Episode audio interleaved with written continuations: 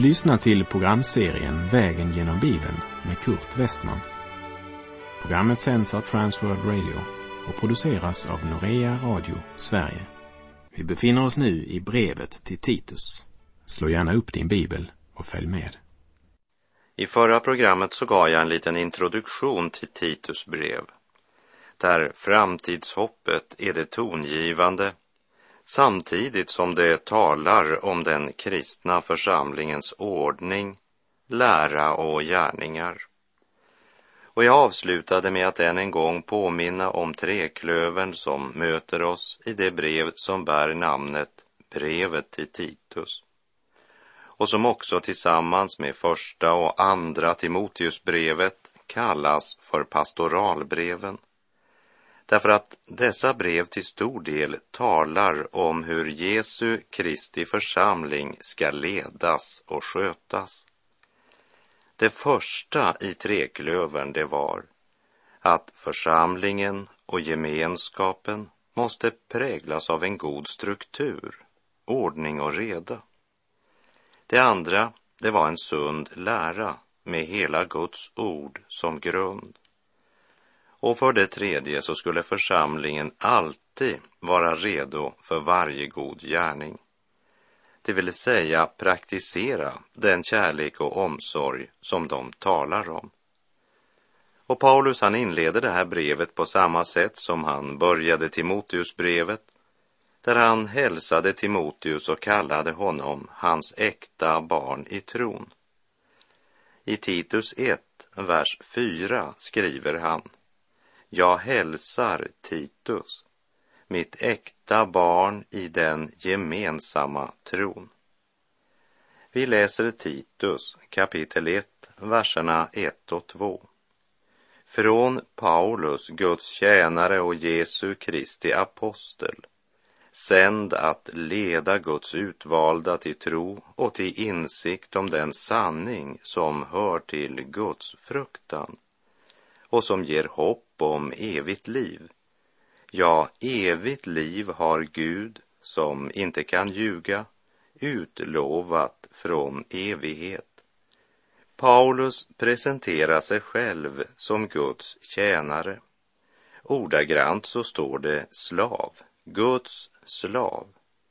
Han går alltså inte sitt eget ärende och innan han ger Titus föreskrifter för församlingens ordning så påminner han om att han är en av Jesu Kristi apostlar. Till det troende i Efesus skriver han i Efesebrevet 2.20.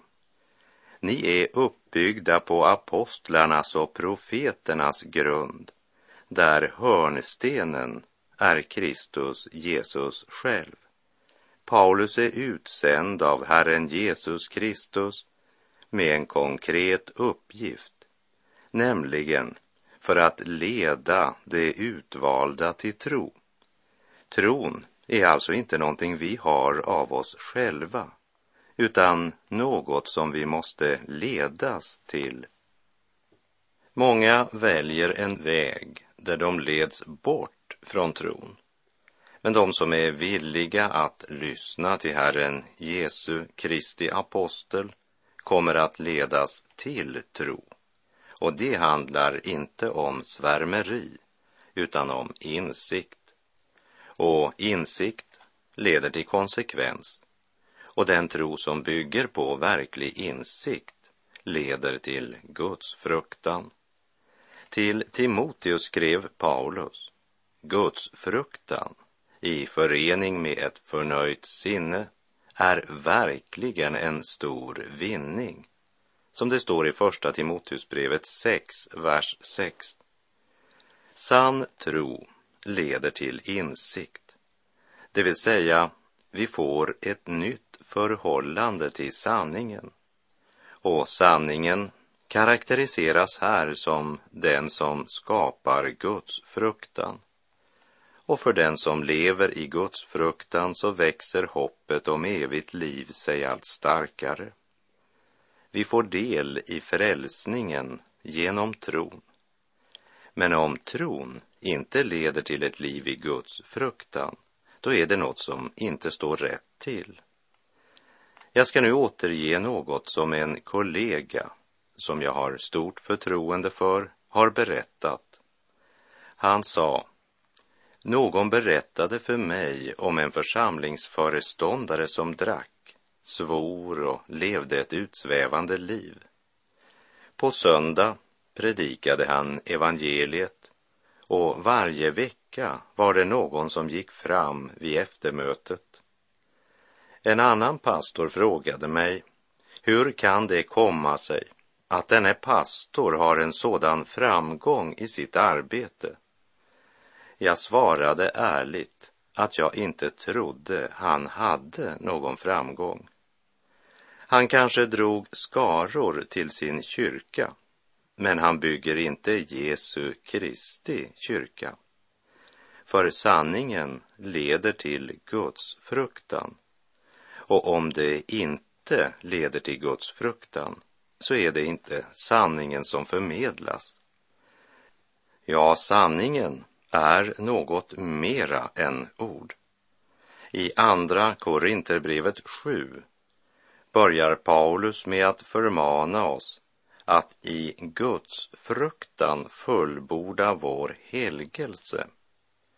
Kristenliv utan helgelse är inte Kristusliv utan bara religion. Sann tro präglas av Guds fruktan och hopp. Paulus lyfter fram detta tema, att när man tar emot evangeliets budskap så leder det till Guds fruktan och helgelse. Därför att folket på Kreta missbrukade Guds nåd. De sa att om vi är frälsta av nåd så har frälsningen ingenting att göra med våra gärningar och handlingar. Därför fortsatte de att leva i sina synder och tröstade sig med att det var ju bara av nåd man blev frälst.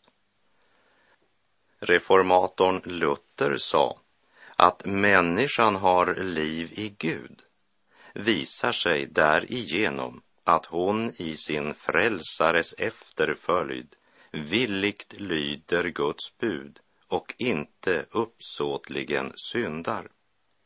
Han ställde också frågan, vad är det att ha en död tro? Och han svarade, det är att utan bättring tillägna sig tröst av Guds nådelöften.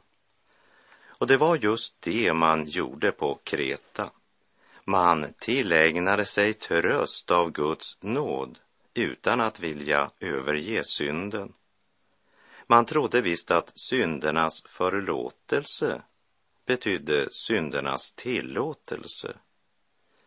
Paulus ger svar på den hållningen redan i början av brevet genom att säga att han är kallad att leda dem till tro och till insikt om den sanning som hör till Guds fruktan och som ger hopp om evigt liv.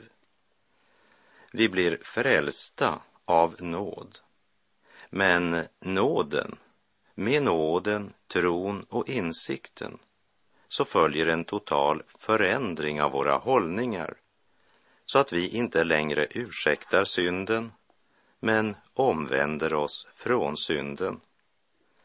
Ni har ju klätt av er den gamla människan med hennes gärningar och klätt er i den nya människan som förenas till rätt kunskap och blir en avbild av sin skapare, skriver Paulus till de troende i Kolosse. Och till Titus skriver han, jag är ju sänd att leda Guds utvalda till tro och till insikt om den sanning som hör till Guds fruktan och som ger hopp om evigt liv. Om du tror att du kan vara frälst av nåd och leva i synd, så måste jag säga dig, du är inte frälst av nåd, för du är inte alls frälst, utan har en död tro. Frälsning av nåd leder till ett liv i Guds fruktan och helgelse.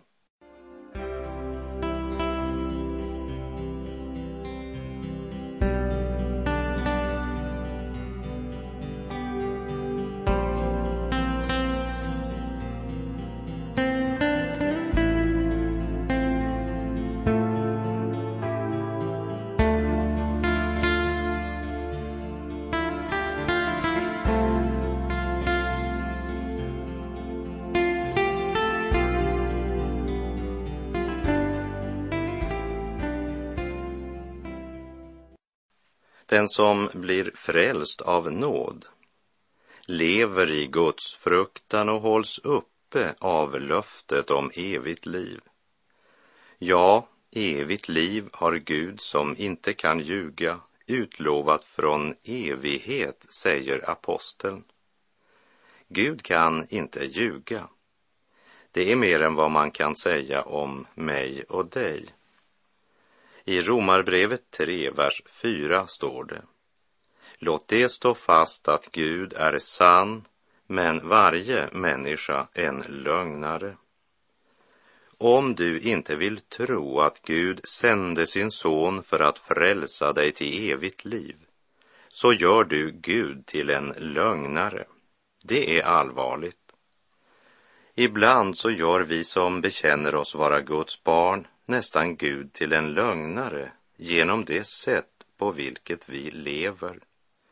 Vi säger att vi tror på något, fast vi inte verkligen tror och lever och uppför oss som om vi trodde. Gud är helig, ren, fullkomlig. Han är trofast och han kan inte ljuga.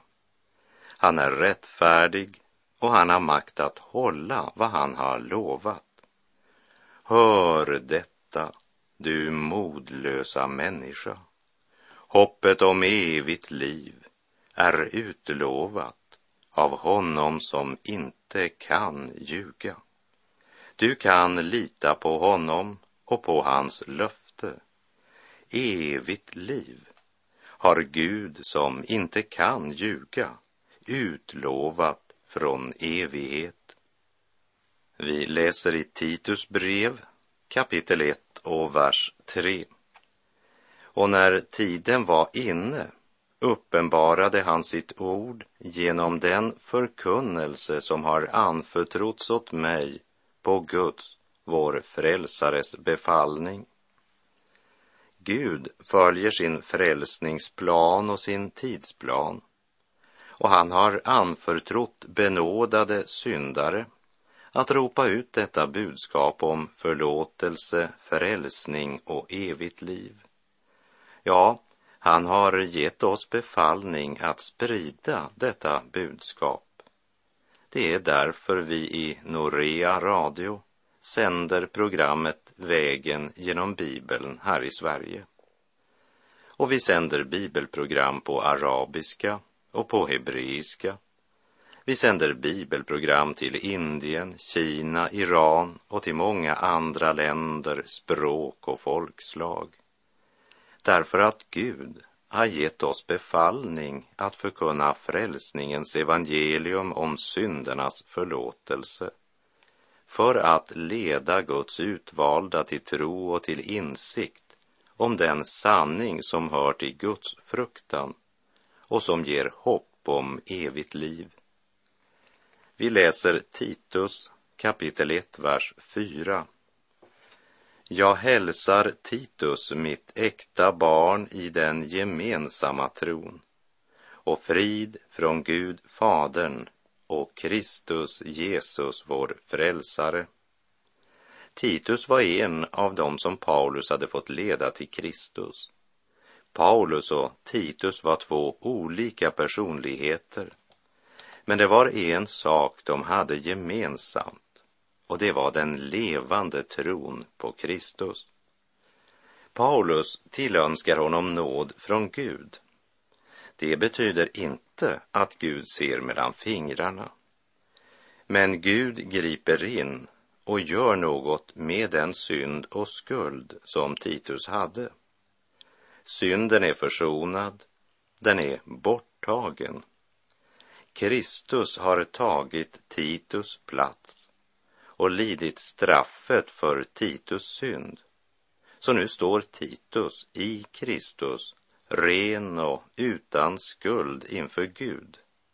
Därför har Titus fått frid med Gud. Den helige Ande kallar genom evangelium upplyser med sina gåvor, helgar och bevarar i en rätt tro. Det är denna tro Paulus och Titus och alla sanna Guds barn har gemensamt.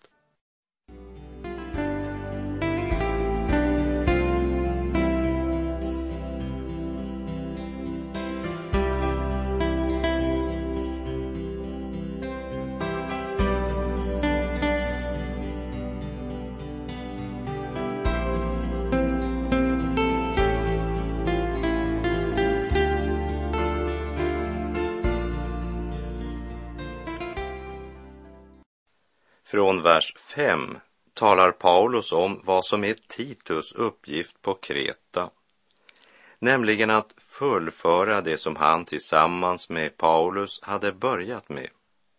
Att med Guds ord som rättesnöre strukturera församlingsgemenskapen och insätta äldste. Och det ska ske efter apostelns anvisning.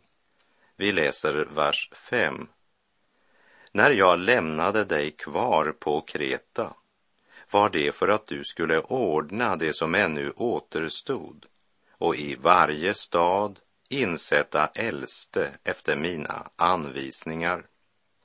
När evangeliet skapar väckelse och människor kommit till tro så är inte arbetet därmed slutfört. Det är ju då det börjar. Och församlingsstrukturen är inte tillfällig. Församlingen ska byggas upp på apostlarnas och profeternas grund, där hörnstenen är Kristus, Jesus själv. På Kreta så florerade rätt mycket mytologi och olika traditioner som lätt kunde smyga sig in i den kristna församlingen. Därför säger aposteln att det är viktigt att det insätts äldste i varje stad, säger han. Det säger oss att väckelsen spridit sig över stora delar av ön Kreta och det hade bildats församlingar i flera av städerna. Men Guds rike växer inte vilt. Och även om kreterna var kända som lögnaktiga så hade alltså många tagit emot evangeliet och börjat ett nytt liv. Men det var nödvändigt att det insattes äldste i dessa församlingar. Och det handlar inte bara om att lägga händerna på någon och genomföra ett eller annat ritual eller invigning. Men Titus skulle se efter män som verkligen hade fått denna nådegåva att utöva äldstefunktionen i församlingen. Och det får inte bli något hastverk. Paulus tid på Kreta hade varit för kort för att han själv skulle kunna göra detta. Därför så lämnar han kvar Titus och anförtror honom ansvaret att insätta äldste. Och det är mycket strikta riktlinjer som ges angående vem som ska utväljas till denna tjänst. Paulus hade utvalt Titus till uppgiften att insätta äldste. Titus skulle nu utföra den uppgiften efter apostelns anvisning. För att få fel personer till denna tjänst, det kan bli ödesdigert för en ny, växande församling. Och här är ord som förvaltare och hushållare nyckelord. Titus 1, vers 6. En sådan ska vara oförvitlig, en enda kvinnas man och ha troende barn som inte kan beskyllas för att vara ostyriga eller uppstudsiga. Oförvitlig betyder inte felfri eller syndfri, men en som mottagit förlåtelse och vänt om från sina onda gärningar, lever ett respektabelt liv och inte låter sig styras av sin gamla natur, men lever i Guds fruktan och helgelse. Oförvitlig är att leva och vandra i ljuset, leva i syndernas förlåtelse och daglig förnyelse. En som lever och vandrar driven av Guds ande i allt beroende av Gud. Det handlar mera om ärlighet än om begåvning.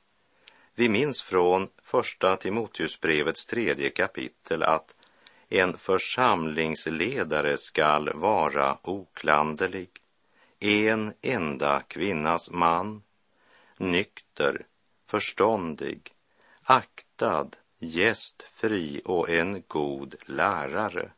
Han får inte missbruka vin eller vara våldsam, utan skall vara vänlig, fridsam och fri från penningbegär. De som ska in i denna tjänst ska alltså prövas på hur det står till när det gäller sexualliv, familjeliv, alkohol och pengar. Församlingen är Guds familj och den som ska ha äldsteansvar måste först ha visat sin gudsfruktan och redlighet i sin egen familj innan han anförtros att leda den stora familj som församlingsgemenskapen utgör. Vi kan säga att en äldste eller en ledare i församlingen skiljer sig inte från andra när det gäller benägenhet för synd. Men han måste ha en växande insikt om sin egen synd. Det församlingen behöver är ju andliga ledare, inte energiska energier som kan upprätthålla ett högt aktivitetsnivå. När Paulus skriver att han ska vara en enda kvinnas man, så talar det om en man som är trogen i sitt äktenskap och ha troende barn. Om man inte kan leda sina egna barn till Herren så borde man inte vara ledare för församlingen. Men här ska du inte missförstå mig.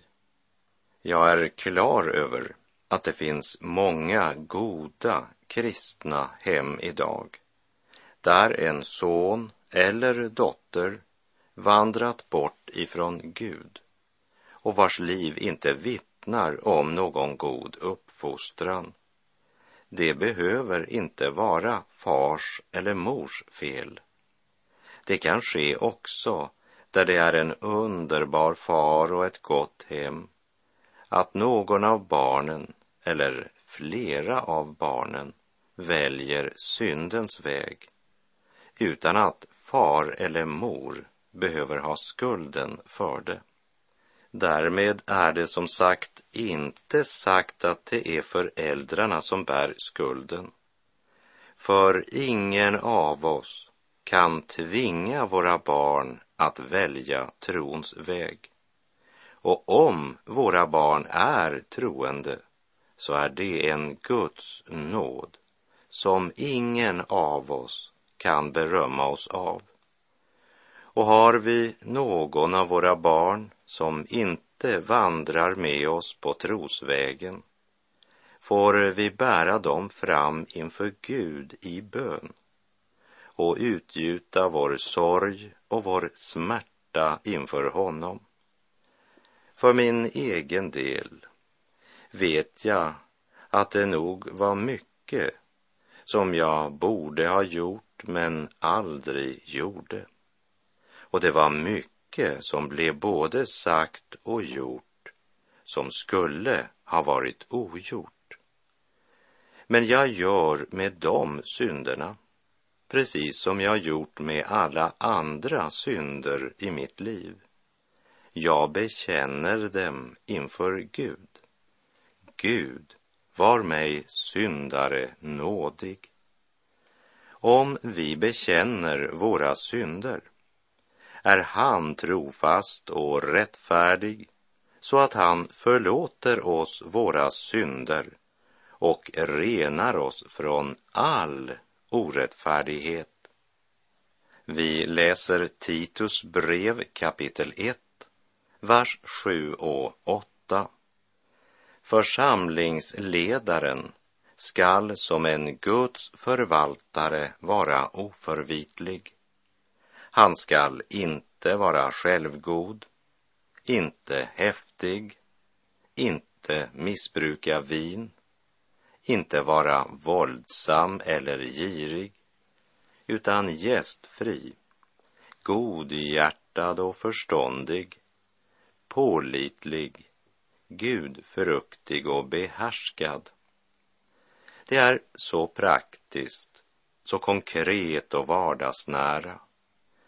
Låt oss under eftertanke läsa vers 7 och 8 i Titus brev kapitel 1 några gånger och för vår egen del tänka igenom alla dessa synder som här konkret nämns vid namn.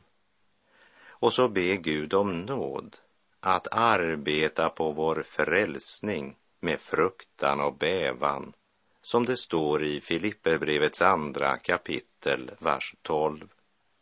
Jag är ett svagt och hjälplöst lamm, o Jesu i din jord.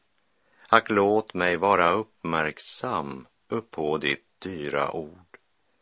Jag kan min väg ej själv förstå, ack, led mig vid din hand.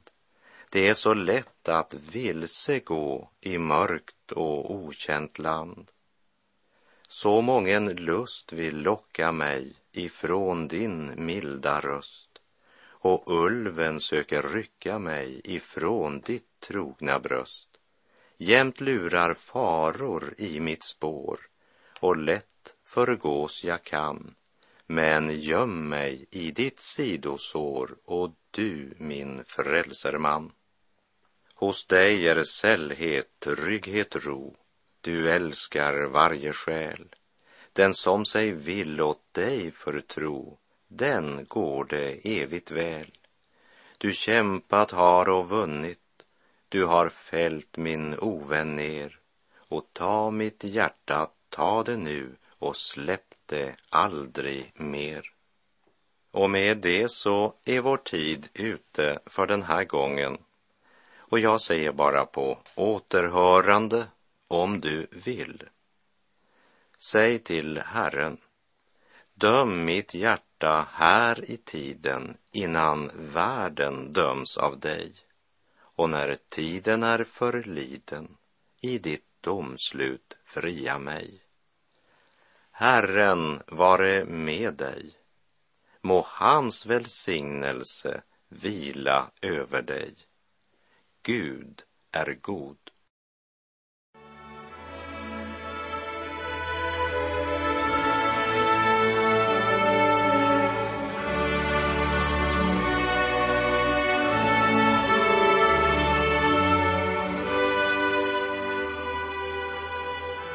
Du har lyssnat till programserien Vägen genom Bibeln med Kurt Westman som sänds av Transworld Radio.